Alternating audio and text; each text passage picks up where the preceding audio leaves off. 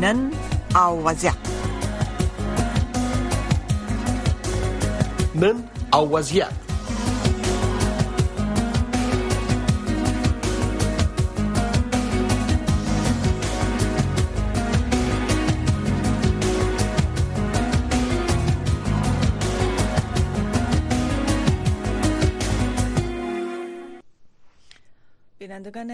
محترم برنامه روایت امروز با برنامه ساعت خوش آمدین. امیدوارم که همگیتان خوب باشین. ممنون که بیننده و شنونده برنامه ساعت رادیو هستین.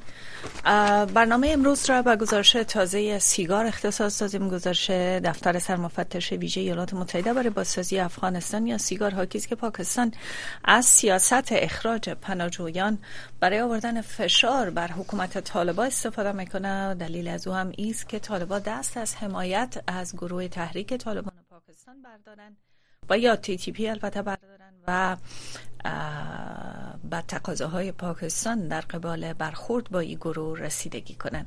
مهمان ما در برنامه آقای آصف مبلغ تحلیلگر امور منطقه هستند که از ترکیه با ما خواهند بود. البته این گزارش سیگار دیروز یک شنبه به نشر رسیده. و در گزارش آمده که از زمانی که حکومت طالبان در افغانستان ایجاد شده یعنی دو نیم سال و انده گروه تحریک طالبان پاکستان از موجودیت طالبان در قدرت در افغانستان مستفید شدن و به نوع مقتدرتر شدن در داخل افغانستان به خاطر که فرصتی برای انسجام از اونا پیدا شده. همچنان با نشری گزارش مرکز تحقیقات و مطالعات امنیتی پاکستان گفته که در پاکستان در ماه جنوری سال در مقایسه با جنوری سال 2023 حملات بیش از دو برابر شده. امروز هم ما شاهد وقوع یک حمله در ایالت خیبر پختونخوا بر یک مرکز پلیس بودیم که در او تعدادی از پلیس پاکستان کشته شده و نویت این حمله باز هم شباید به عملاتی را داره که گروه تحریک طالبان پاکستان انجام میده. آقای آصف مبلغ ممنون از اینکه دعوت ما را پذیرفتین. سپاس از اینکه وقت خود را در اختیار برنامه گذاشتین. قبل از پاکستان وقتی که تحت فشار قرار گرفت در قبال اخراج اجباری پناهجویان افغان فاقد سند بیان داشته بود که این هیچ ربطی به سیاست و مشروع کشور نداره ولی حال گذاشت سیگار حاکی است که به دلیل عدم همکاری حکومت طالبا با پاکستان. پاکستان مبادرت به امر ورزیده تا به نوع به حکومت طالبان فشار بیاره که با گروه تحریک طالبای پاکستان برخورد کنه. برداشت شما از این یافته سیگار چیست و به نظر شما آیا حکومت طالبان واقعا تحت تاثیر حکومت پاکستان قرار ندارن و به نوعی باید پاکستان بر اونا فشار وارد کنه تا با صحبتشان چنیده شوه یا خیر؟ با سلام و درود خدمت شما و شنونده های محترم شما. ببینید مسئله طالبان افغانستان طالبان پاکستان وضعیت فعلی موجود در پاکستان و همچنین روابطی که پاکستان با افغانستان مخصوصا در طول سالهای پسین داشته. مسائل بسیار ظریف هست که نیاز به تحلیل مبتنی بر دیتا داره و اگر به شکل بسیط و به شکل ساده بخواهیم مسائل را از کنارش بگذاریم ممکن هست فهم ما از مسائلی که موجود هست در این منطقه ناقص بیاید بله. من فکر می‌کنم که مسئله طالبان افغانستان و گروه های را که یک زمان پاکستان در پشت اینا قرار داشتند مثل گروه های مذهبی دیگری را که در خود پاکستان هم تقویت کردند یک سبب داشت و سبب اصلی هم این بود که افراطیت مذهبی را ازش استفاده بکنه پاکستانی ها تا بتانه جلو نشنالیزمی را که از او احساس خطر می‌کردن بگیرن. این نشنالیزم در افغانستان بر رنگ های مختلفی در طول تاریخ موجودیت پاکستان ظهور پیدا کرد. چه در زمان شاهی چه در زمان صدارت عظمای داوود خان چه در زمان به اصطلاح ریاست جمهوری داوود خان بعد از او حکومت های چپ و دیگران پاکستان را بر این واداشت که بیایه و یک روایت افراطی مذهبی آری از نشنالیزم را در افغانستان حمایت بکنه که از طریق او بتاند پیش نشنالیستا یه افغان استادگی بکنه و از به اصطلاح تشتتی که ممکن هست اونا ایجاد بکنه و در تاریخ پسین ما شما می‌بینیم که ایجاد هم کردن خیلی از جدایی خواهان خیبر پختونخوا پاکستان در افغانستان فوت شده شما می‌فهمید تشییع بله. شده و مزارهای اونا وجود داره همچنین خانه های فرهنگی که در حکومت های چپی برای جدای خواهان پاکستان در افغانستان باز شده بود. چوکی را که امروز ما به نام چوک پشتونستان در کابل داریم. یا شعار سرود را که بچه های مکتب در زمان سابق میخواندن داز بله. پشتونستان. و مسائل از این دست حکایت از یک نشنالیزم غلیظ که می‌تونست تمامیت ارزی پاکستان را تهدید بکنه حکایت داشت. پاکستانی ها تصمیم بری گرفتن که یک روایت مذهبی افراطی را جاگزین بکنن. خب در دوره اول تا حدود موفق هم بودن. در بخش از دوره آقای درانی که در رأس آی آی قرار داشت این مثلا بله. خود بعد از او آقای بابور سیاست های پاکستان در افغانستان را پیش می برد و شما می‌فهمید که نصر الله بابور چه رول را در تحکیم موضع طالبان بازی کرد و به همین شکل در حتی بازی هایی را که با رسول پهلوان و با کسان دیگری داشتن در اون زمان سیاست پاکستانی ها و طالبان همین بود که بیاین و ملاهای به اصطلاح که فاقد شعارهای جدای طلبانه و نشنالیزم هست جاگزین بکنن. اما بعد از اینه که آمریکایی ها به افغانستان حمله کردند و یک ائتلاف بین المللی به شمول ارتش پاکستان به اونا پیوست. خب در سال 2007 شما تولد طالبان پاکستان یا تی تی پی را دارید که دقیقا از نیروهای طالب افغانی اینها به اصطلاح تغذیه میشه. و این شما در کتاب های مختلف از جمله کتاب آنتونیو جیوستوسی می‌تونید پیدا بکنید. اینها بله. در سال 2007 تولد پیدا کردن ارتش به شدت اینها را سرکوب کرد تا سال 2014 تقریبا ختم شده بود تی تی پی پاکستان.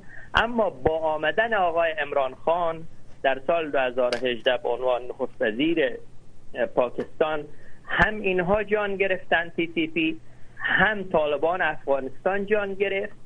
و هم جنبش های مثل جنبش تحفظ پشتونخوا جان گرفت. و این بله. شما با وضوح می‌تونید سیر سعودی را پیدا بکنید. از طرف دیگه شما می‌بینید که بعد از آمدن آقای امران خان روابط بین المللی و منطقی طالبان بسیار بسیار اکتیفتر میشه.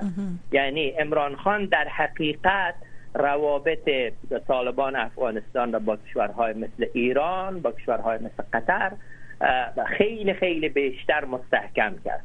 خب این جبهه پنجاب در پاکستان را متوجه ساخت که از درون پاکستان یک نشنالیزم خفته با حمایت که از افغانستان می‌گیره در حال برخواستن هست. و این خطر احساس کردن اینها. و الان هم من فکر می‌کنم که جبهه پنجابی ها و کسانی که به اصطلاح خودشان را مالک اصلی پاکستان می‌بینن احساس خطر شدید می‌کنن از اینکه تعبیرهای خوابهای آنها به اصطلاح به شکل عکس نتیجه داده و امروز از دل افراطیت مذهبی یک نشنالیزم هم برخواسته و این نشنالیزم شعار با شعار دینی همون رویایی را در سر میپرورانه که در افغانستان به دست پیدا بله. و این می‌تونه خطرناک باشه بله. این گزارش سیگار تا کنون حکومت طالبا البته به این چیز واکنش نشان ندادن چیز نگفتن. ولی داریم موسم به افغان ایوا که متشکل از مؤسسات خیریه است که به ماجرین افغان کمک می‌کنه ابراز داشته که مقامات پاکستانی حتی توصیه نامه های ارسالی سفارت امریکا را هم نادیده می‌گیرن به خصوص در قبال افغان هایی که باید در اونجا منتظر انتقال خود به ایالات متحده باشن. برداشت شما از این موضوع پاکستان چیست که به نظر شما چرا پاکستان به تقاضای امریکا حال بی‌اعتنایی می‌کنه؟ چند تا مسئله هست که من فکر می‌کنم روی امنیت دو تا کشور خیلی تاثیر داره. یکی بحث کنترل مرزی هست. بله. هیچ وقت حکومت های افغانستان به خاطر سیاست های پوپولیستی این مرزی را که بین پاکستان و افغانستان وجود داره به عنوان سرحد نشناخته. و مخصوصا در زمان آقای اشرف غنی به نام توسعه مراودات تجاری بله. کنترل پاسپورت و سند بین دو کشور در این امتداد بسیار عظیمی که شما می‌فهمید وجود داره بین افغانستان و پاکستان از میان برداشته شد اما با تهدیدات وافری که از طرف تی تی پی علیه پاکستان ارتش پاکستان انجام شد امروز کنترل مرزی به وجود آمده و ما فکر می‌کنیم به خیر دو تا کشور هست. یک. دوم مجموعه های وجود داره امروز در پاکستان که یقینا می‌تونه مخرب باشه برای امنیت پاکستان و برای امنیت به اصطلاح کل منطقه. بنابراین پاکستانی ها امروز مسئله مسئله امنیت ملی خودشان می‌بینه و با این ما فکر می‌کنم که مماشات نخواهد کرد. اینه که آمریکایی ها چه رول رو دارن بازی می‌کنن؟ برخلاف خیلی از تحلیلگرایی که تحلیلشان این هست که حکومت آقای بایدن از طریق پاکستان می‌خواه نقش منطقه خودش ایفا بکنه. من فکر می‌کنم که امروز طالب ها و متحدان منطقهیشان ممکن هست در توافق دوحه به توافقات سری دست پیدا کرده باشه که حکومت پاکستان از به دور مانده باشه. از این گود به دور مانده باشه. و سفر اخیر منیر آسم به کاخ سفید را هم شما دیدین که دستاورد چندان نداشت. و بنابراین من فکر می‌کنم طالبان هم امروز احساس می‌کنن که فضای بین المللی به شکل هست که دیگر با واسطه بنام پاکستان برای ایجاد مراودات بین المللی و یا تأمین چانزنی ها بر سر تأمین منافع نیازمند نیستند. این احساس به نیازی بیشتر سبب میشه که بپرواتر عمل بکنه و خب پشت طالبا یک دست طالبای چپی هم هست اینا خودشان را طالب میگن. مثل آقای عباس سانکزه یک از چپی های داتشه هست. و یا کسا طالبایی که لیبرال هم ما داریم که اینا در آمریکا و جاهای دیگه دارن لابیگری می‌کنن ولی در پشتش یک نشنالیزم بسیار بسیار پخته خوابیده هست و این پاکستانی ها متوجه هستند بله. امروز ما شاید یک حمله دیگه باز هم در خیبر پختونخوا بودیم و باز هم پلیس پاکستان هدفی حمله قرار گرفت که بسیار مشابه حملات گروه تحریک طالبان پاکستان است.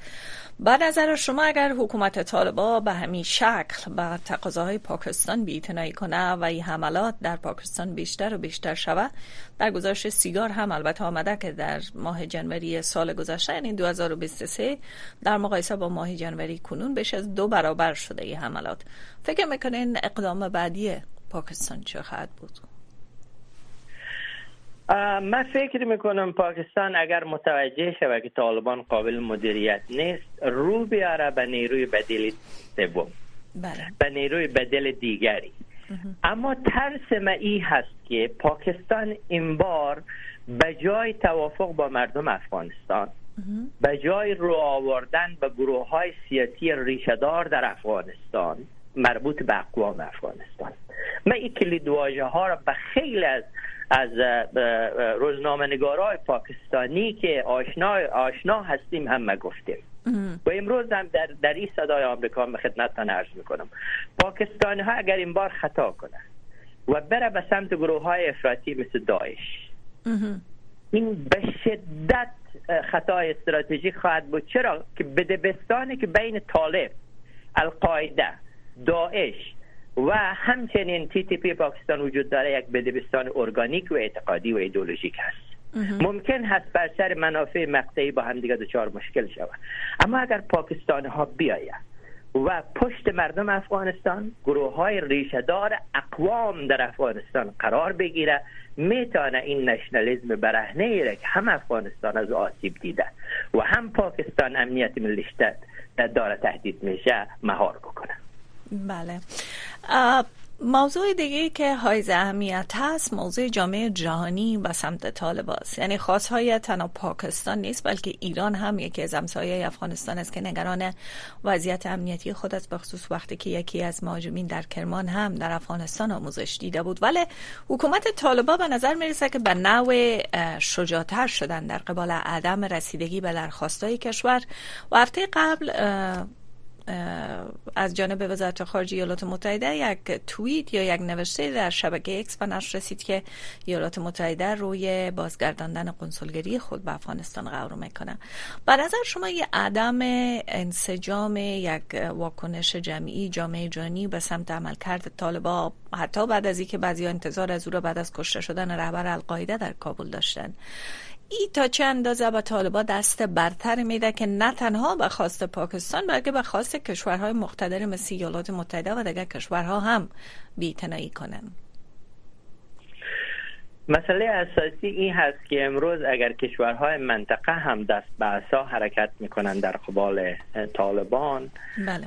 بحث اساسی است که واقعا آنچه که بین ایالات متحده آمریکا طالبان با میانجیگری کشورهای مثل قطر اتفاق افتاده چی هست؟ آیا قرار هست که تحولات مرزی در این منطقه اتفاق بیفته؟ آیا قرار هست جابجایی جغرافیایی در این منطقه اتفاق بیفته؟ ببینید یک خواب زمستانی بسیار طولانی در این منطقه وجود داره. بلوچ های پاکستان و مجموعه های در خیبر پختونخوا خاک خواب ایجاد یک خاک مستقل دارند آیا قدرت های کلان در توافق با طالبان در توافق با تی تی پی در توافق با بلوچ ها برای ناامن ساختن این منطقه در توافق با بلوچ های جدای خواه ایران حتی بله. در پی حمایت ای تر هستند؟ این سوال اساسی بزرگی هست. بنابراین همیشه هم کسانی را که امروز مخالف تعامل با طالبان در روسیه هستند مخالف تعامل با طالبان در ایران هستند از این نگرانی ها بارها و بارها یاد کرده از جمله کسان مثل سفیر سابق ایران در مزار شریف. و اینها بارها و بارها و ما هم آنچه که قرائن نشان میده ای هست که ایالات متحده ممکن هست به یک باره باعث خجالتش باشه که بیایه و بگه ما طالبان رو به رسمیت می‌شناسیم. اما تا کنون اقدام عملی علیه طالبان صورت نگرفته. کمک های میلیاردی بزد و بخششگرانه عامل تداوم طالبان بوده. و از آن طرف هم شما بیمهری که نسبت به ارتش پاکستان به خرج میدن من فکر می‌کنم برای ایجاد یک بلوای جدید ممکن هست که به بعضی ها قول ایجاد مرزهای جدید داده باشه که بله. اگر چنین باشه کشورهای مقتدر منطقه مثل ایران مثل پاکستان بسیار بسیار به این مسئله باید حساس باشه. اما متاسفانه کسانی که امروز سیاست خارجی کشورهای مثل ایران را مدیریت می‌کنه ممکن است به اندازه کافی نسبت به قضیه هوشیار نباشد. خب چند روز قبل یک گزارش از سوی ملل متحد هم به نشر رسید که آکی از موجودیت پایگاه های تازه القاعده در افغانستان بود. حکومت پاکستان به شکل علنی فشارها را بر حکومت طالبا وارد میاره در زمینه فعالیت گروه تحریک طالبان پاکستان. ولی کشورهای دیگه هم به شمول ایالات متحده و کشورهای اروپایی نگرانی های خود را از جانب گروه های که شما گفتین گروه داعش و یا گروه القاعده دارن که اینا همگی در حال منسجم شدن در افغانستان هستند. به نظر شما گزارش های البته اولین گزارش ملل متحد نیست در قبال فعالیت گروه های افرادگرا ما شاید واقعیات هستیم در پاکستان که گروه تحریک طالبان مسئولیتش می‌گیره و واضحا اونا در داخل افغانستان هستن ولی تا کنون تهدید از جانب این گروه ها و سمت غرب صورت نگرفته. و نظر شما اگر جامعه جهانی ای گزارش های موثق سازمان های مثل ملل متحد را دست کم بگیره. آیا ما در ماهای آینده سالهای آینده شاید حملات از داخل خاک افغانستان به کشورهای اروپایی و یا امریکا و دیگر نقاط در جهان غرب خواهیم بود یا خیر؟ یک چیز تجربه پسین کشورها نشان داده. استفاده بله. افزاری از تروریسم استفاده ابزاری از ترور در آخر پای کشورهای تمویل کننده را هم به آتش کشیده بله. بنابراین من فکر می‌کنم اگر امروز کشورها و قدرتهای کلان برای مصروف کردن کشورهای منطقه از یک طرف برای ایجاد آتش های در داخل منطقه جهت پیش بردن منافع خودشان از سوی دیگر. از ترور و تروریزم با استفاده ابزاری می‌کنن. و اگر امروز منافع تروریزم مثل تروریست های طالبان القاعده و بقیه با منافع مقطعی کشورهای کلان به هم دیگه تلاقی کرده این به مفهوم تضمین منافع این کشورها و یا نرسیدن آسیب جدی در آینده به اینها نخواهد بود. تاریخ نشان داده که استفاده ابزاری از تروریسم یقینا گریبان تمویل کنندگانش را خواهد گرفت. بنابراین من فکر می‌کنم که در خطای راهبردی خیلی از کشورهایی که امروز مماشات می‌کنه با وضعیت فعلی افغانستان. بله. و دست کم می‌گیره وضعیت ناهنجار و خاک آتش را که زیر خاکستر در افغانستان در حال شعله برتر شدن هست. اینها روزی به خودشان خواهد آمد که دیر خواهد بله. از جانب دیگه فضای جامعه جهانی یعنی وضعیت جهان هم به نوعی است که می‌تونیم بگیم به نفع طالباست. جنگ اوکراین جریان داره. شرقی میانه آقای بلینکن وزیر خارجه ایالات متحده در پنجم سفر خود به اون منطقه است. برای ازی که راه حل داره و ختم جنگ اسرائیل و حماس بیابن بنان تمرکز جهان روی اولویت های دیگه است. حکومت طالبا به نظر میسه که حال در صدر اولویت جهان دیگر قرار ندارن نظر شما تا زمانی که جهان به این بحران هایی که در جریان است رسیدگی کنه و بعد بتانه به وضعیت افغانستان بپردازه تا چه این به مقتدر شدن و به نوع ریشه گرفتن حکومت طالبا در افغانستان کمک می‌کنه؟ یقینا من فکر می‌کنم که هر قدر فرصت داده شود به طالبان و همچنین نادیده گرفته شود مردم افغانستان گروه های سیاسی ریشهدار اقوام در افغانستان و خواسته های مردم افغانستان. این موزل عظیمتر خواهد شد از یک طرف. از طرف دیگر خانه کردن طالبان برای تن دادن به خواستای مشروع مردم افغانستان سختتر خواهد شد. بله. طرحی که آقای سنیرلی اغلو تهیه کرده اگر مرحله به مرحله و قدم به قدم اجرایی شود و مرحله اولش که بحث راضی کردن طرف ها برای ایجاد یک حکومت مشارکتی و قانونی هست به بنبست بخوره که من فکر می‌کنم از همین الان به بنبست خورده چون طالبان نه نماینده ویژه سازمان ملل را قبول داره و نه هم طرحهای اونا را قبول داره من فکر می‌کنم شورای امنیت باید به فاز بعدی منتقل شود و بله. فاز بعدی فاز تصمیم گیری برای کشور افغانستان تحت حاکمیت طالبان هست که به هیچ عنوان قابل ادغام در جامعه بین المللی نیست شکست خوردن طرح آقای سنلی اغلو و مفهوم این هست که افغانستان تحت حاکمیت طالبان نمی‌تواند عضو از جامعه بین المللی باشد. بنابراین شورای امنیت باید به فاز بعدی منتقل شود.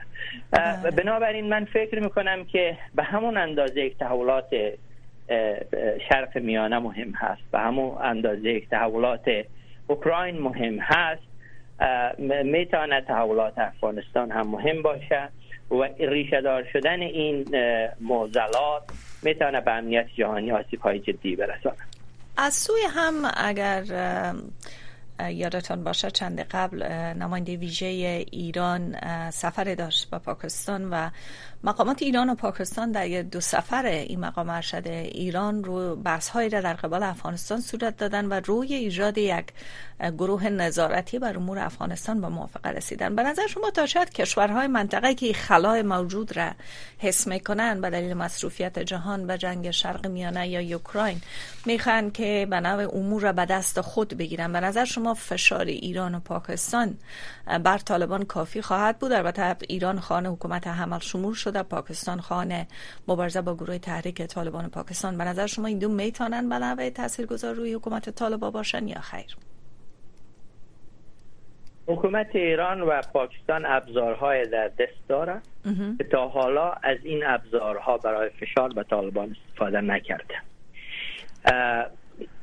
اگر ایرانی ها و سیاستگزاران که در رأس نظام مخصوصا در رأس جبهه های نظامیشان سپاه قرار داره به این نتیجه برسند بله. که زمان استفاده از این اهرم های فشار هست من فکر بکنم که او زمان می‌تونه موثر بر طالبان باشه اما امروز کسانی که سیاست خارجی ایران را پیش می‌بره مثل آقای کاظمی قومی و یا سید حسن مرتضوی اعتقاد به این که در تقابل با طالبان فعلا قرار بگیره ندارن. شاید به دلیل اینکه اوضاع منطقه و اوضاع ایران و درگیری هایی که به قول شما وجود داره در جای جای منطقه این اجازه را نمیده. اما یقینا ایران و پاکستان ابزارهای بسیار مهمی را می‌تونه در دست داشته باشه که حتی حتی به سرنگونی حکومت طالبان منجر شد بله. اگر حکومت طالبان را حال مقایسه کنیم با حکومت داریشان در سالیان 1990 طالبان از بود دیپلماسی زیرکتر شدن. یعنی به نوع مواظب و مراقب واکنش های خود هستند تا مبادا به نوع ایالات متحده و یا کشورهای غربی علیه خود کنند. مثلا در جنگ شرقی میانه در قبال فلسطین و اسرائیل بسیار یک واکنش خونسا و گذرا روی از این جنگ داشتن به نظر شما این و نوع تجربه دیپلماسی را که حال طالبا دارن و از اینکه چطور با دنیا برخورد کنن و غیره تا چت می‌تونه که به ثبات حکومتشان در افغانستان کوشش کنه. که دیگه اینا احساسی حال با موضوعات برخورد نمی‌کنن. من خدمتتان عرض کردم طالبان امروز تنها مجموعه های ایدئولوژیک تعلیم یافته در مدارس حقانیه نیست. ما طالبان چپی داریم طالبان لیبرال داریم. رد پای طالبان را شما می‌تونید تا حتی کاخ سفید هم امروز ارزیابی بکنید. بله. آقای احمد از خیبر پختونخوا پاکستانی اصل و مدیر سیاست گذاری سیاست خارجی آقای بایدن. این یعنی قبل از ایه که مسائل به آقای بلینکن برسه به دست ایشان می‌رسه. آقای خلیزاد و کسانی که در جمعشان هست. آقای توماس ویز که خودش از دامادها و و از به اصطلاح بستگان دور آقای خلیلزاد هست. اینها اینها اینها نفوذ لابی های طالبان هستند به همین شکل در اروپا شما این لابی ها رو شاهد هستید. بنابراین من فکر می‌کنم که این ابزارها اصل این که دنیا به قناعت رسید و کشور مثل ایالات متحده آمریکا به قناعت رسید که حکومت افغانستان جاگزین شود با طالبان به بله. دلیل کارکرد بسیار عمیق لابه هایشان بوده. به دلیل کارکرد سیاست وارونه نشان دادن حقایق در افغانستان توسط آقای خلیلزاد بوده. این در کسی شک نداره. بنابراین من فکر می‌کنم که طالبان امروز تبدیل شده به یک گروهی که لابیگران زیاد در جاهای مختلف داره. و دایهشان بیشتر از این که امروز شعارهای ایدئولوژیک باشه مسائل نفع جمعی عده خاصی هست. بله وقت بسیار کم است. بله آقای مبلغ حدود یک دقیقه. به نظر شما تضاد داخلی طالبا تا چه حد می‌تونه حکومت از اینا را تضیف کنه؟ اگر از فشار بین مللی بگذاریم. شما در سال 2007 یک ترورهای بسیار زیاد را در خود پاکستان شاهد بودین که گروه های خب. مختلف طالبان علیه همدیگه انجام می‌دادند بله. آقای ملاحبت الله فرار کرد به مشهد ایران سه ماه در ایران بود شما می‌فهمید این مبلغ فکر می‌کنم داره و بله. ادامه داره متاسفانه که وقت ما هم اینجا خاتمه پیدا کرد. امیدوارم در برنامه های آینده بتونیم شما را داشته باشیم تا شرح بیشتر تحلیل و البته شرح امور منطقه از شما بشنویم. ممنون از بیننده ها و شنونده که با برنامه با ما بودن و سپاس از همراهیتان. تا ساعت دیگه همکاران باز هم با دیگر خبرها و اخبار و گزارش ها و تحلیل های روز با شما خواهند